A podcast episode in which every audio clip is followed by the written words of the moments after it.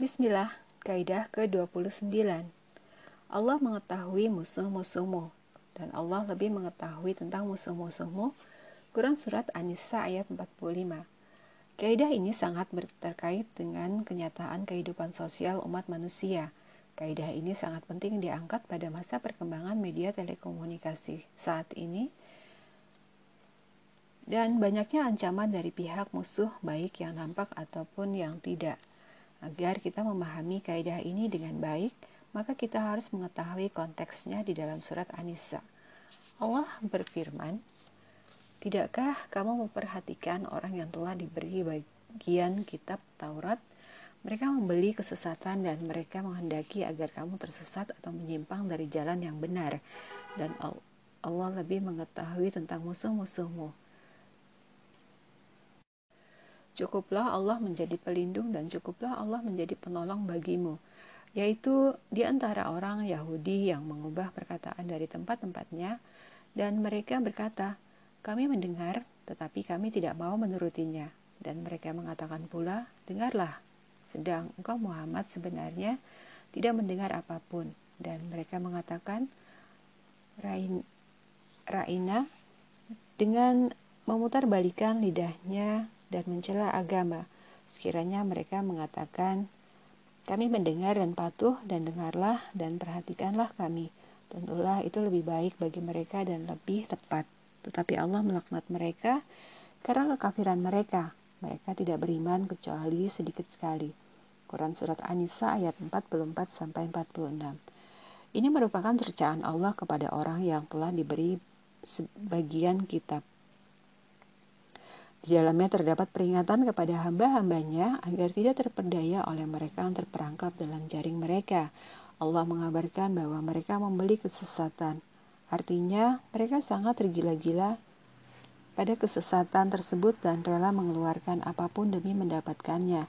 Mereka lebih memilih kesesatan daripada petunjuk, kekufuran daripada keimanan, dan kesengsaraan daripada kebahagiaan. Meskipun demikian, mereka menghendaki agar kamu tersesat atau menyimpang dari jalan yang benar. Mereka sangat bergairah menyesatkan kalian dan mereka berusaha sekuat tenaga untuk misi tersebut. Tetapi ketika Allah menjadi pelindung hamba-hambanya yang beriman dan membela mereka, maka dia menjelaskan ancaman kesesatan dan penyesatan kepada mereka. Karenanya Allah berfirman, cukuplah Allah menjadi pelindung. Artinya, menguasai semua urusan mereka memberi kemurahan kepada mereka dan memudahkan apa pun yang membahagiakan mereka, dan cukuplah Allah menjadi penolong bagimu. Menolong atas musuh-musuh mereka, menjelaskan apa pun yang membahayakan mereka, dan membantu mereka untuk selamat dari bahaya tersebut. Keberpihakan Allah kepada mereka berarti membuka peluang untuk mendapatkan kebaikan dan pertolongannya, dan berarti yang berarti terhindarnya mara bahaya yang mengancam mereka. Kemudian Allah menjelaskan kesesatan, kecongkakan, dan kegilaan para musuh akan kebatilan dengan berfirman, yaitu di antara orang Yahudi, artinya orang-orang Yahudi adalah para pakar kesesatan yang mengubah perkataan dari tempat-tempatnya. Itulah beberapa kriminalitas yang mereka jalani dan mereka rancang sedemikian rupa. Para pakar kesesatan dari kalangan ahli kitab di atas merupakan musuh-musuh yang senantiasa harus diwaspadai apabila Allah telah membeberkan rahasia para musuh melalui kaidah dan Allah lebih mengetahui tentang musuh-musuhmu Quran Surat An-Nisa ayat 45 maka kita harus menguak siapa saja yang dicap Allah sebagai musuh kita. Tiada yang lebih benar daripada firman Allah. Para pemuka musuh-musuh tersebut adalah yang pertama iblis. Tiada peringatan dari Allah atas musuh yang melebihi peringatan terhadap iblis. Betapa banyak ayat Al-Quran menyebutnya sebagai musuh yang paling jelas, bahkan ada ayat yang paling menjelaskan hakikat iblis dan bagaimana kita menyikapinya, yaitu firman Allah, Sungguh setan itu musuh bagimu, maka perlakukanlah ia sebagai musuh, karena sesungguhnya setan itu hanya mengajak golongannya agar mereka menjadi penghuni neraka yang menyala-nyala. Quran Surat Fatir ayat 6 Dan satu ayat terhadap dan satu ayat terdapat kritik dan kecaman kepada orang yang seharusnya memusuhi iblis tetapi ia berbalik berkawan dengannya. Allah berfirman, Dan ingatlah ketika kami berfirman kepada para malaikat, sujudlah kamu dengan Adam. Maka mereka pun sujud kecuali iblis. Dia adalah dari golongan jin, maka dia mengundur hakai perintah Tuhannya. Pantaskah kamu menjadikan dia dan keturunannya sebagai pemimpin selain aku? Padahal mereka adalah musuhmu. Sangat buruklah iblis itu sebagai pengganti Allah bagi orang yang zalim. Quran Surat Al-Kahfi ayat 50. Yang kedua, orang-orang kafir yang memerangi kita dan pihak-pihak yang memiliki agenda menghapus agama Islam dan merongrong syariat Islam. Allah berfirman, dan apabila kamu berpergian di, di bumi, maka tidaklah berdosa kamu mengkosar salat. Jika kamu takut diserang orang kafir, sesungguhnya orang kafir itu adalah musuh yang nyata bagimu. Quran Surat An-Nisa ayat 101 Ulama berkata, sesungguhnya permusuhanmu dengan orang-orang kafir telah lama terjadi. Sekarang kamu telah menampakkan agamamu dan itu membuat permusuhan semakin meruncing.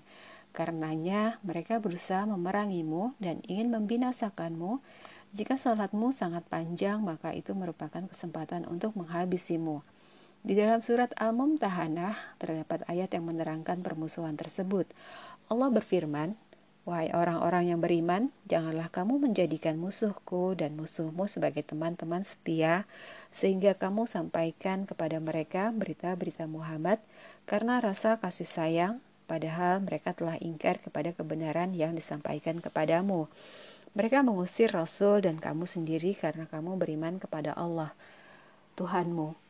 Jika kamu benar-benar keluar untuk berjihad pada jalanku dan mencari keridoanku, janganlah kamu berbuat demikian. Kamu memberitahukan secara rahasia berita-berita Muhammad kepada mereka karena rasa kasih sayang.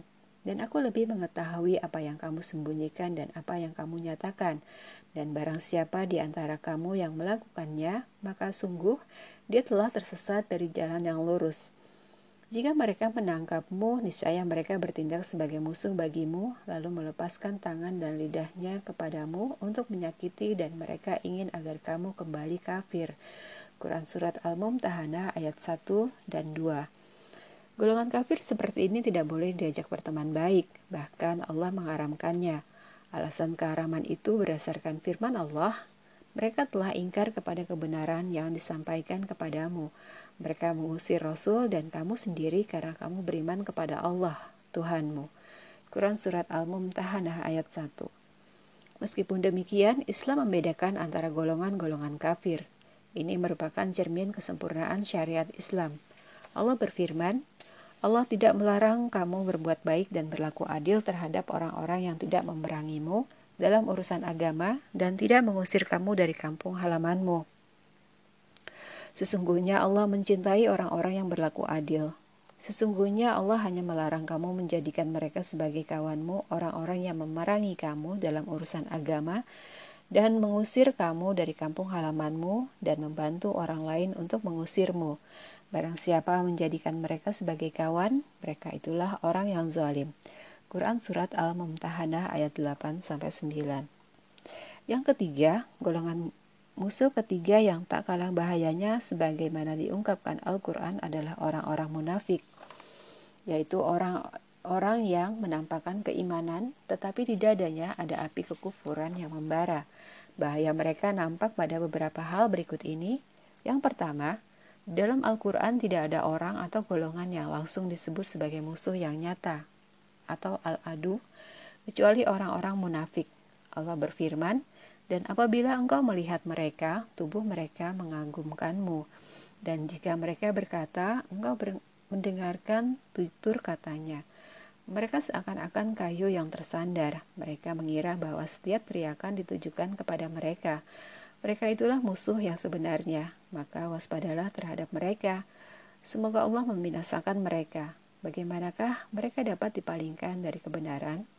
Quran Surat Al-Munafikun ayat 4 yang kedua, di dalam Al-Quran dan As-Sunnah tidak ada golongan atau aliran yang disebutkan karakternya secara mendetail seperti orang-orang munafik.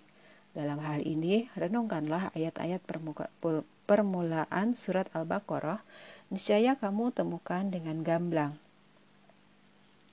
Ibnu Qayyim rahimahullah berkata, Sungguh Allah telah membongkar kedok orang-orang munafik.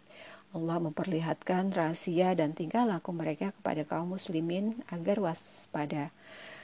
Dalam surat Al-Baqarah Allah menyebut tiga golongan sekaligus, orang mukmin, orang kafir, dan orang munafik. Allah menyebut kaum mukmin dalam empat ayat, orang-orang kafir dalam dua ayat, dan orang-orang munafik dalam 13 ayat mengingat bahaya dan ancaman mereka terhadap Islam dan pemeluknya sangat besar.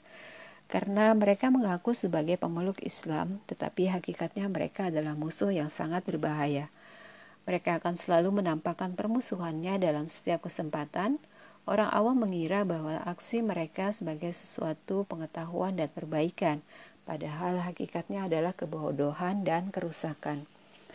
Demi Allah, betapa banyak benteng-benteng kekuasaan Islam yang mereka robohkan, betapa banyak panji-panji Islam yang mereka hilangkan, betapa banyak bendera Islam yang telah berdiri tegak lalu mereka turunkan, betapa banyak prinsip-prinsip Islam yang menancap kokoh lalu mereka cabut, betapa sering nama baik Islam yang mereka kotori dengan pendapat-pendapat menyimpang mereka.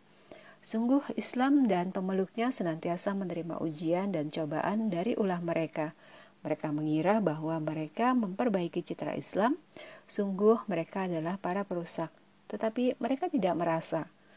Jika hal ini dipahami, maka jelas bagi kita urgensi kaidah ini, dan Allah lebih mengetahui tentang musuh-musuhmu. Quran Surat An-Nisa ayat 45 kita tidak boleh terperdaya oleh kondisi-kondisi tertentu untuk mengenali hakikat musuh-musuh kita, karena yang membeberkan musuh-musuh kita adalah Allah yang menciptakan mereka dan juga menciptakan kita. Dan dia mengetahui apa yang tersimpan di dalam hati-hati umat manusia. Allah berfirman, Bukankah Allah lebih mengetahui apa yang ada di dalam dada semua manusia? Quran Surat Al-Ankabut ayat 10 dan firmannya, Apakah pantas Allah menciptakan itu tidak mengetahui dan dia maha halus, maha mengetahui. Quran Surat Al-Mulk ayat 14 Ya Allah, nampakkanlah kebenaran kepada kami sebagai kebenaran dan kuatkanlah kami untuk mengikutinya. Dan nampakkanlah keburukan kepada kami sebagai suatu keburukan dan kuatkanlah kami untuk menjauhinya.